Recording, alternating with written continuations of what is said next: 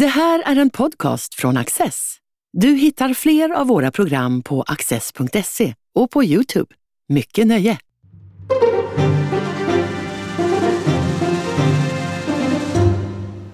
Välkomna till Studio Access.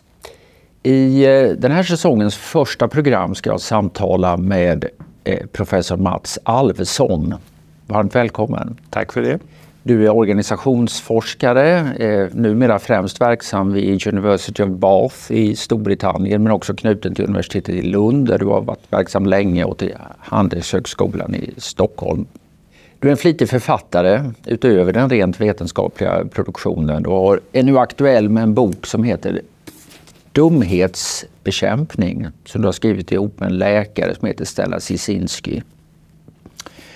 Eh, och om denna och lite annat ska vi eh, resonera. Det, den här dumheten som ska bekämpas, det är liksom inte vilken dumhet som helst utan det är någonting som, eh, du har myntat uttrycket funktionell dumhet. Kan du, kan du berätta vad det är för någonting?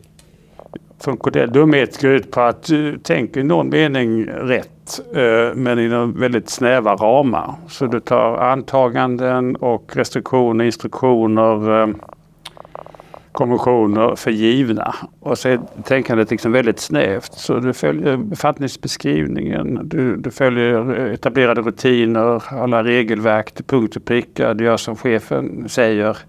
Du gör som alla andra brukar göra utan att fundera igenom ifall det här verkligen är rimligt och leder till bra konsekvenser. Så den som har talang för funktionell dumhet blir ofta populär bland ledning, bland, bland kollegor men eh, bidrar eh, sällan fullt ut till att göra en bra arbetsinsats därför att helt enkelt eh, låstheten är liksom ett snävt tänk. Och en oförmåga att ta lite bredare ansvar för vad man gör och åstadkommer, det saknas. Jag lydde bara order.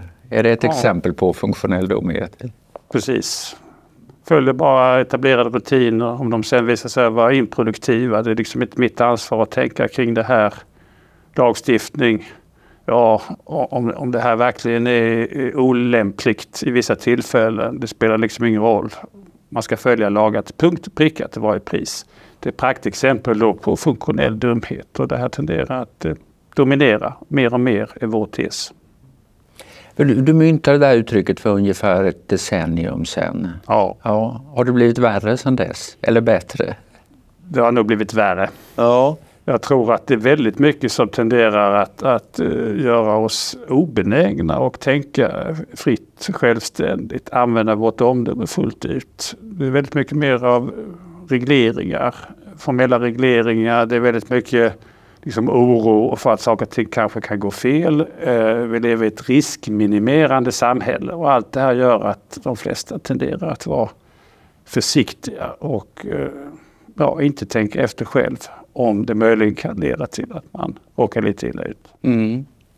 Mäter du det här på något sätt eller hur, eh, hur, vad använder du för metodik? För? Ja, alltså det är ju att, att vi följer då eh, dels vad som händer och sker i organisationen. Vi har studerat skolan rätt så, så ingående till exempel. Och, um, stöter man på exempel med, med, med, med rektorer, jag undervisar på rektorsutbildningar också ställa frågan till rektorer. Händer det att ni har valet att anställa en behörig lärare eller en bra lärare?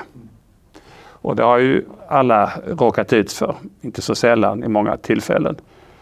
Men nästan alla tenderar att anställa den behöriga läraren för det säger liksom regelverket. Om det sen innebär att man, man kanske har bättre icke-behöriga att välja mellan, vilket inte är ovanligt för lärarutbildningarna har väldigt dåligt rykte och det är låga intagningspoäng och så vidare så är det ändå så att man, man liksom håller sig till regelverket och det är behöriga lärare som, som gäller. Och då tenderar man att, att helt enkelt eh, med ljus och lykta söka, söka efter sådana och inte liksom ta ansvar för att bemanna skolor med så kvalificerat folk som möjligt som kan göra bra resultat. En liksom invändning till rektorns försvar då eh, skulle väl kunna vara att han är ålagd att göra detta? Är det, är det så att säga där huvudproblemet finns som du ser det i regelgivning, lagstiftning? Det är ett mycket stort problem. Eh, verkar från politiskt håll tro att mer regler, mer lagar, det ska liksom lösa alla problem. Men det innebär ju då att, att väldigt många är benägna att eh, följa de regler som finns. Inte bara lagar utan andra regelverk. Utan man är väldigt mycket regelstyrd. Och det är bra delvis. Ofta är det bra för att då, då gör man saker och ting kanske inte alltför felaktigt. Men ibland skar ju då regelverk mot den konkreta praktiken. Och om man då inte har utrymme för att använda sitt omdöme och göra det som man menar är bäst för verksamheten så blir det ofta väldigt illa. Men ofta skyller man ju på, på regelverket fullt ut och det finns en hel del som liksom håller efter där rätt så noga. Men jag tror också att det finns ett överskott av ska vi säga, regelföljande där utrymmet för att tänka själv och ta lite större ansvar vad man gör och åstadkommer, det nyttjas inte. Utan man ska ha ordentliga buffertar mellan då vad man gör och vad regelverken säger så att man verkligen är på den säkra sidan. Och det innebär ju då att omdöme och liksom bra verksamheter får stryka på foten i väldigt många tillfällen. Finns det fler orsaker till att det här har... Ja, det, det hade uppenbarligen eskalerat redan före 2012 eftersom du identifierade det och beskrev det då. Men eh, vad är de största drivkrafterna bakom den här utvecklingen? Ja, alltså begreppet då funktionell dumhet blev inkluderat i officiellt svenskt språkbruk 2013. Så, så jag tror till och med de här språkvårdarna menar att det här fångar in någonting rätt så, så precis och väl. Eh, så det har funnits som du säger väldigt länge. Men, men eh, sen är det nog sånt som spär på det här. Dels är det så att, att politiker känner att man måste liksom lösa alla problem och, och svara mot alla krav som folk har. Och det gör ju då att det blir mer regelverk. Sen har vi fler och fler som är i vad man skulle kunna säga riskminimeringsbranschen. Man ska hela tiden se efter så att arbetsmiljön är optimal, att alla får sina rättigheter tillgodosedda, att ingen liksom blir kränkt eller någon annan typ av problem. Och det gör att det moderna arbetslivet och samhället är lite grann av ett minfält ibland. Så är man inte liksom väldigt försiktig och tassar fram här lite grann i förhållande till olika typer av krav och förväntningar så riskerar man kanske som en, en ansvarsutkrävande chef att framstå som en arbetsmiljöfara snarare än någon som tar liksom själva kärnverksamheten och grunduppdraget på, på allvar. Så eh, vi lever lite grann i en rädslans kultur där vi är väldigt eh, angelägna om att inte bara göra formella fel mot lagstiftning och liknande utan även se till så att vi håller oss på god fot med alla och en var. Så, så liksom ingen grupp eller person känner sig utmanad eller kränkt eller felaktigt behandlad eller vad det nu är för någonting. Det här med varumärkestänk, eh, det är ju något som väl uppstod i den privata sektorn men nu verkar också ha flyttat in i den offentliga eh, sektorn. Där man är väldigt rädd för eh, att ja, göra bort sig eller få kritik ens överhuvudtaget. Är det också en faktor? Jag tror att det är en mycket viktig del i det hela. Nu, nu rätt så få, så få men, men, men långt ifrån alla gör ju någon konkret arbetsinsats där man liksom kan se vad åstadkommer de egentligen.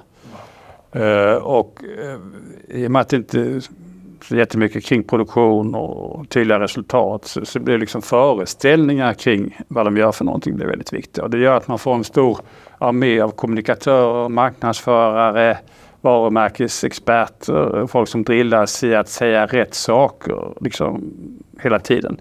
Och det här gör ju då att, att ryktet, varumärket, image blir väldigt centralt förknippat med det. Och lite grann också att, att statusfrågor blir mer och mer viktiga för folk. En gång i tiden så kanske du hade identitet, självkänsla för att du åstadkom någonting. Nu är det mer att du ska ha någon eh, mer eller mindre konstig titel eller du ska, ska ha liksom eh, ett bra varumärke, ett eget personligt varumärke, synas på Facebook och i andra sammanhang. Och det gör då att vi får en flykt från det här liksom konkreta, åstadkomma något, kan något, till att odla varumärkande i, i vid mening. Då. Jag tycker mig se en paradox här som är att vi eh, det finns ett starkt tryck på att fler och fler ska gå igenom längre och längre utbildningar. Och man tycker, är det någonting som utbildning borde verkligen resultera i? Kunskapen, säkerheten, omdömesförmåga. Men samtidigt verkar det snarare utvecklingen gå i motsatt riktning. Så att säga. Är detta ett gigantiskt underbetyg till hela expansionen av den högre utbildningen i Sverige? Ja, jag tycker det. Alltså, um det borde ju vara så att med all den här utbildningen så skulle folk vara mer vana att använda sina små gråceller. Eh, kunna använda sitt omdöme, eh, ha lite mer självförtroende och kunna styra sig själva. Alltså, ett ideal är ju då att, att eh, omdömet ska vara den centrala styrningsfaktorn i arbetslivet. I alla fall av folk som, som, som kan sitt hantverk eller, eller kan sin professionalitet. Men nu verkar det som att det ska vara policies och byråkrati och stödinsatser, eh, expertis och eh, hur mycket som helst då, som hela tiden ska liksom styra och reglera folk. Och eh, högskolan har ju då misslyckats. Eh, uppenbarligen menar jag för att, att det finns så mycket av det här. Och det hänger samman med att ja, alla ska helst genomgå utbildningen. Man ska inte ha för höga krav. Det ska var väldigt studentvänligt och konsumentorienterat. Och det gör ju då att ehm, och högskolan får ju betalt då utifrån, utifrån genomströmning och det är väldigt mycket sådana rättighetstänk då i förhållande till studenter. Så mycket så skyldighetstänk att nu är det en utbildning, nu får du studiemedel. Nu kanske du ska studera 40 timmar i veckan här och, och, acceptera att du kanske inte blir godkänd om du inte klarar av det här. Men, men det liksom blir närmast någon kränkning och högskolan liksom har skyldighet att se till så att folk klarar det här. Och det gör ju då att du, du får en sänkt ribba och väldigt mycket omhändertagande av folk och mindre då självständighet och intellektuellt kvalificerande. Så, så det är ett stort problem. Och sen ett annat problem är också att väldigt många av de som läser på högskolan de får ju sen jobb i vad jag kallar för bättre vetandeklassen. Alltså de eh, försöker bli HR-folk eller kommunikatörer eller, eh, eller bli konsult eller verksamhetsförbättrare eller kvalitetssäkrare eller vad det nu är för någonting. Och väldigt många av de här verkar ju genom andra. Så andra ska ju följa då deras direktiv och deras kunskap och vad det är för någonting. Och det gör att de flesta som inte är experter de blir rätt så osäkra på vad de egentligen kan och gör som är väldigt mottagliga för olika typer av instruktioner och påpekanden och råd och stöd från andra. Och det urholkar ju lite grann den här basen då för att, att verkligen använda sitt eget omdöme. Och här bidrar ju högskolan genom en överproduktion av folk i den här bättre vetandeklassen som hela tiden måste liksom hitta sin födkrok genom att tala om för folk att du kan inte riktigt det här, du kanske gör fel. Du är inte tillräckligt duktig så du behöver de här insatserna från en mängd olika experter då som ska vägleda dig till tillvaron. Och då blir det väldigt mycket det här liksom snäva funktionella dumheten som, som olika experter ibland står för och som folk som förväntas använda sitt omdöme då kanske är väldigt benägna att lyssna på. Jag menar, det här är ju en väldigt skarp kritik av en hel sektor och sektorn du själv verkar i. Och du säger det ju inte bara i böcker och i, i det här samtalet utan du skriver återkommande om det i dagspress och så här. Vad, vad säger dina kollegor? Håller de med dig eller, eller blir du betraktad som en svikare? Jag tror att väldigt många håller med om detta. Faktiskt. Sen, sen eh, kan det ju variera. En del värnar om sina jobb och sin egen status och kanske inte riktigt vill, vill se det här så tydligt. Men, eh, men vi har ju väldigt mycket utbildningar då där, eh, där man ska lära sig något som kanske inte kostar så mycket pengar. Alltså sådana ekonomiska, samhällsvetenskapliga, juridiska, beteendevetenskapliga utbildningar. En fjärdedel närmast av en yngre befolkning som, lär sig de här ämnena. Och frågan, det här är viktiga ämnen då, va? men behöver det vara så många? Och vad ska alla de här sen göra för något? Jag tror att rätt många inser att det här kanske är rätt så problematiskt. Men det är klart om du behöver studenttillflöden då för att klara den egna sysselsättningen eller institutionens ekonomi så vill man kanske inte höra att det kanske är för låga krav och det är liksom för många som läser de här ämnena. Mm. Men du skrev nyligen tillsammans med en kollega om att eh, e-, e-, ekonomiprofessorerna, eh, att alldeles för många producerar alldeles för lite av värde. Ja, alltså det gällde, vi bara tittade på ekonomiprofessorer då eh, som det är lättast för oss att göra en studie och det är en rätt så stor samhällsvetenskaplig grupp. Men det här gäller nog generellt. Eh, statsvetare har också tittat på statsvetarprofessorer och där finns det väldigt många som liksom i vår studie då inte gör så mycket som har några avtryck i, i forskarsamhället. Eh, men som heller inte liksom når ut till en bredare publik med något relevant budskap. Och, och det är klart, om man är samhällsvetare, professor, man kanske ska säga någonting till det samhället i vilket man verkar. Det duger väl inte att enbart hålla på med, med, med liksom att skriva till sina kollegor i den mikrostam av forskarsamhället som man normalt har specialiserat sig på. Så eh, det är nog så att det är väldigt mycket forskning och, och en del av det är absolut nödvändig och viktig men, men, men, eh, massforskning kanske inte är så lyckat. I värsta fall så får man lite grann samma situation som i teatern. Många vill vara på scen men inte så många vill vara publik. Och det är inte så många som läser alla de här forskningsrapporter som folk producerar i stor skala. Skiljer Sverige ut sig i de här hänseendena? Du, eh, nu när du är i Bath till exempel vid universitetet, är det en annorlunda miljö eller är sjukan internationell nu för tiden? Det är nog rätt internationellt alltså, i och med att, eh, att eh, automatisering och maskiner har tagit en väldigt stor del av, av produktionen så ska ju folk sysselsätta sig med något. Och eh, har vi gott om pengar så är det ju möjligt att, att, att öppna upp utbildningen då för väldigt många. Och det är klart, många vill ju hitta då något bättre, bättre jobb och, och kunna konkurrera med andra då. Så, så det får vi väldigt mycket utbildning där liksom alla verkligen försöker då eh, kunna konkurrera ut de andra. Och eh, det är ett internationellt eh, fenomen det här. Samtidigt varierar det ju en del. I vissa länder, typ Schweiz, har man hållit igen med det här och även Tyskland har lite andra liksom, vägar till att få ett hyfsat arbetsliv. Just Storbritannien kännetecknas av att det här är en stor exportindustri.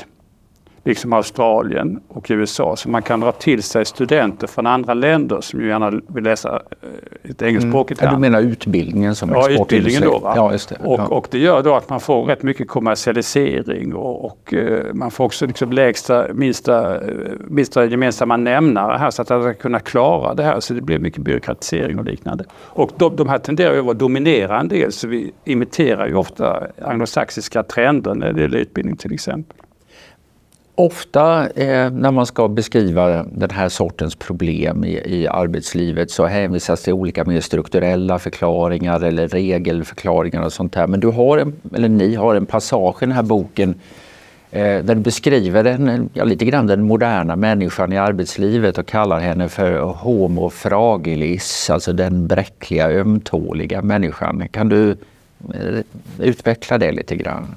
Ja, alltså det mesta tyder ju på att folk blir mer och mer sköra.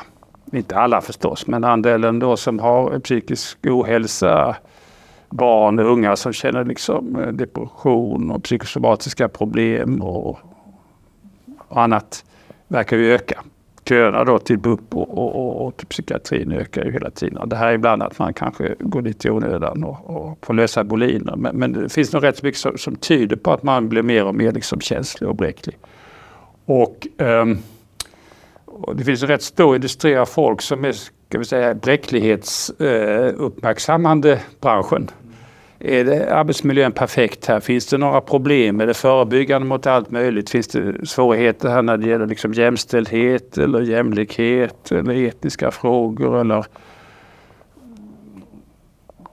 sexuella orienteringar och annat här som religiös tillhörighet som, som vi bör liksom se upp med. Om det är väldigt mycket uppmärksamhet kring det där så är det alltid liksom en risk att man kanske tar det här på, på stort allvar. Man börjar se problem som man inte tar till sig.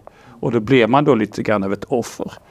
Och, um, och hur relaterar det till dumhet? Den ja, här alltså dels, dumheten? Dels är det en viss ska vi säga, dumhet av alla som enkelspårigt driver teser. Vi ska ha en, en arbetsmiljö där allt ska förebyggas. Det är nolltolerans mot allting som folk kan tycka är lite kränkande eller obehagligt eller problematiskt. Så, så dels har vi experter då som är väldigt snäva i sina tankesätt som inte funderar så mycket på om, om verksamheten fungerar bra eller inte utan det ska vara optimal arbetsmiljö, punkt och pricka. Ibland är det en konflikt mellan att faktiskt eh, åstadkomma något bra och då får man ta lite stress och lite problem och svårigheter och acceptera att folk säger till en och ger ordentlig feedback och sådär. Men då kan man hamna i en arbetsmiljöproblematisk situation och här är funktionell dumhet någonting som gör att det här fokuseras och kanske överdrivs i vissa tillfällen. Sen blir folk allmänt, om, om, man är då lite fragil och lite, lite bräcklig och osäker och lite känslig mot omgivningens tyckande och tänkande så det är klart, eh, tänker kanske inte efter så mycket utan den här liksom självständigheten och benägenheten att använda omdöme, eh, hyfsad självkänsla och omdöme lite extra resurser. Det där försvinner ju delvis tack vare att, att du har, eh, har eh, skapande av den här typen av social karaktär, alltså modern människotyp. och väldigt mycket upplåsande av densamma. Så det är ju då eh, liksom ambulansjagare eller jägare i USA. Här är det någon som har råkat ut för någonting. Nu ketar vi efter för att se om vi kan stämma någon eller göra någonting av det. Så har du rätt många som i motsvarande typ av jobb i Sverige. Men då är kanske man konsult eller coach eller mentor eller arbetsmiljöexpert eller HR-person eller vad det nu är för någonting. Och en del av de här har ju sitt, eh, sitt levebröd utifrån att man kan hitta det fragilitetsgörande i arbetslivet. Då är din bok, eller er bok, också en uppmaning till motstånd emot den här dumhetskulturen. Eh, och vad är de viktigaste sakerna man kan göra för att stå emot? Och vem är den centrala aktören? Är det individerna på golvet eller är det ledningar eller vem är det som verkligen borde ja, jag ta tror tag? att man skulle kunna göra oerhört mycket men man får se upp lite grann för det här kan ju ibland vara minerad mark påtala dumheter kan innebära att folk blir upprörda. De kan lika gärna bli, liksom bli lättade av det här. Alltså det är som med kejsarens nya kläder. Med tiden kanske man tycker det är befriande att höra någon som säger att det här är kanske onödigt med allt detta. Uh, så eh, det är inte helt lätt men, men eh, man kan börja med att liksom fundera igenom vad ägnar vi vår tid åt? Är det här liksom rimligt? Det här angeläget? Innebär det här att det blir bättre för de som liksom betalar för verksamheten och ska få ut någonting av det här? Elever, föräldrar i skolan, patienter i sjukvården, eh, potentiella eller aktuella brottsoffer i polisen eller vad det nu är för några. Tjänar de på det här? Får de ut någonting av detta att vi håller på med alla dessa regler och, och och lagar och all teambildning och alla arbetsplatsträffar och, och, eh, och, och vad det nu är för någonting. Så medarbetarsamtal, lönesamtal och all, all sån här byråkrati, verksamhetsutveckling och sånt där som man, man kan ägna sig åt. Leder det, leder det här till bättre resultat? Eh, och även om så möjligen är fallet, är det värt den tid och de resurser som det här kräver? Alltså man ska ställa sådana grundläggande frågor. Vad håller vi på med? Vad åstadkommer vi för någonting? Använder vi tid, resurser, tänket på rätt sätt.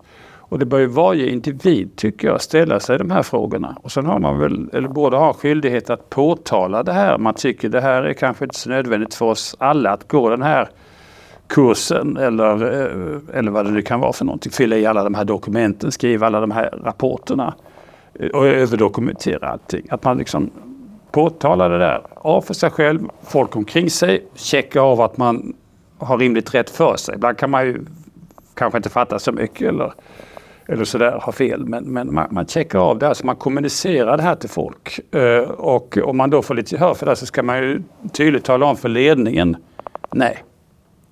Eller vi kanske bara föreslår något annat eller göra det här frivilligt eller lätta på trycket eller vad det nu är för någonting.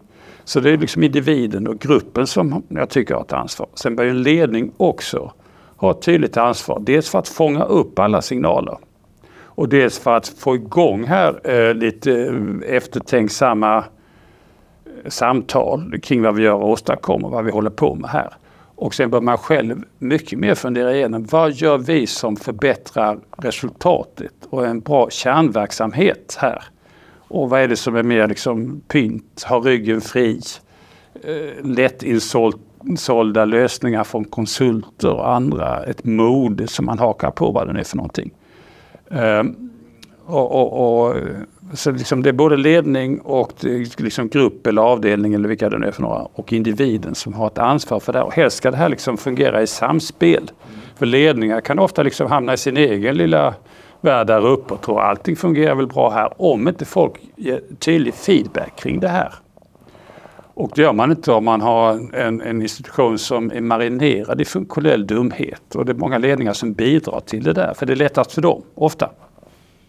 Men du har en del idéer om hur man kan systematisera det här också eh, från ledningens sida. Hur man kan eh, ha speciella eh, träffar, ännu fler möten.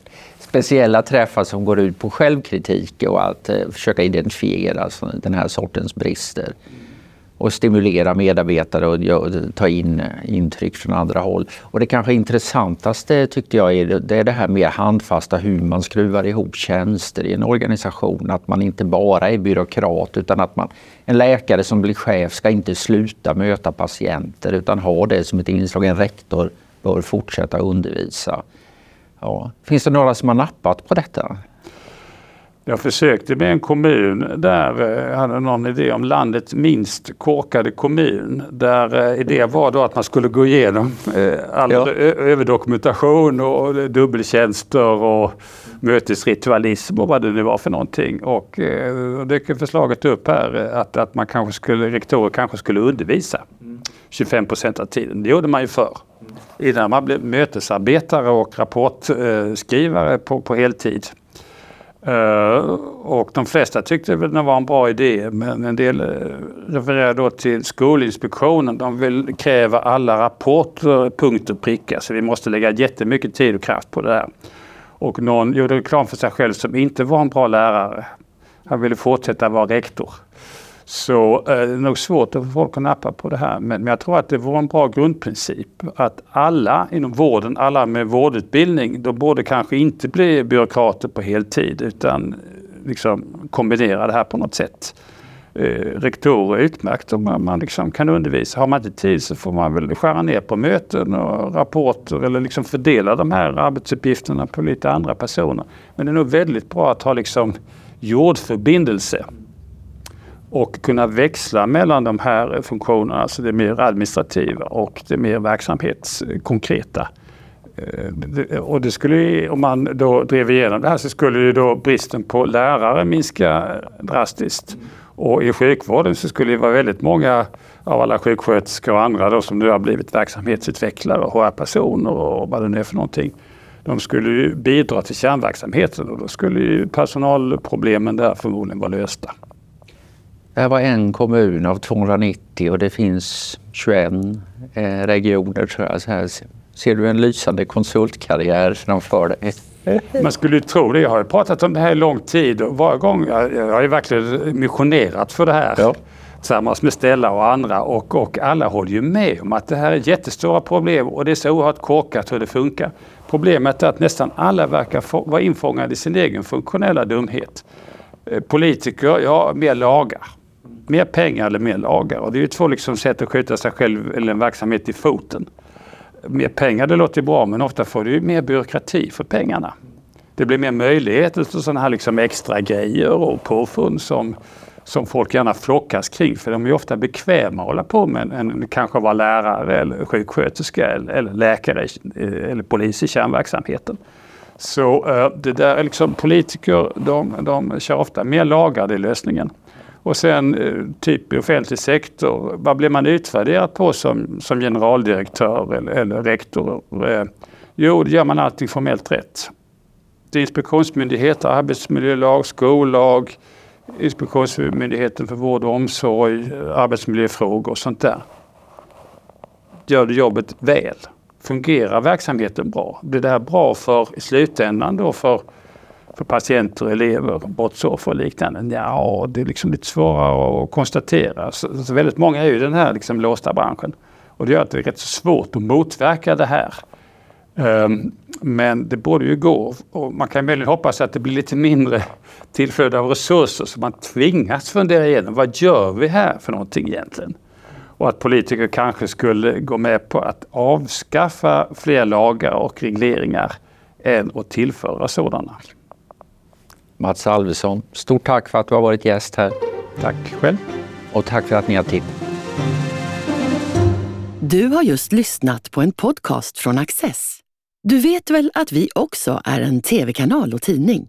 Teckna en prenumeration idag på access.se.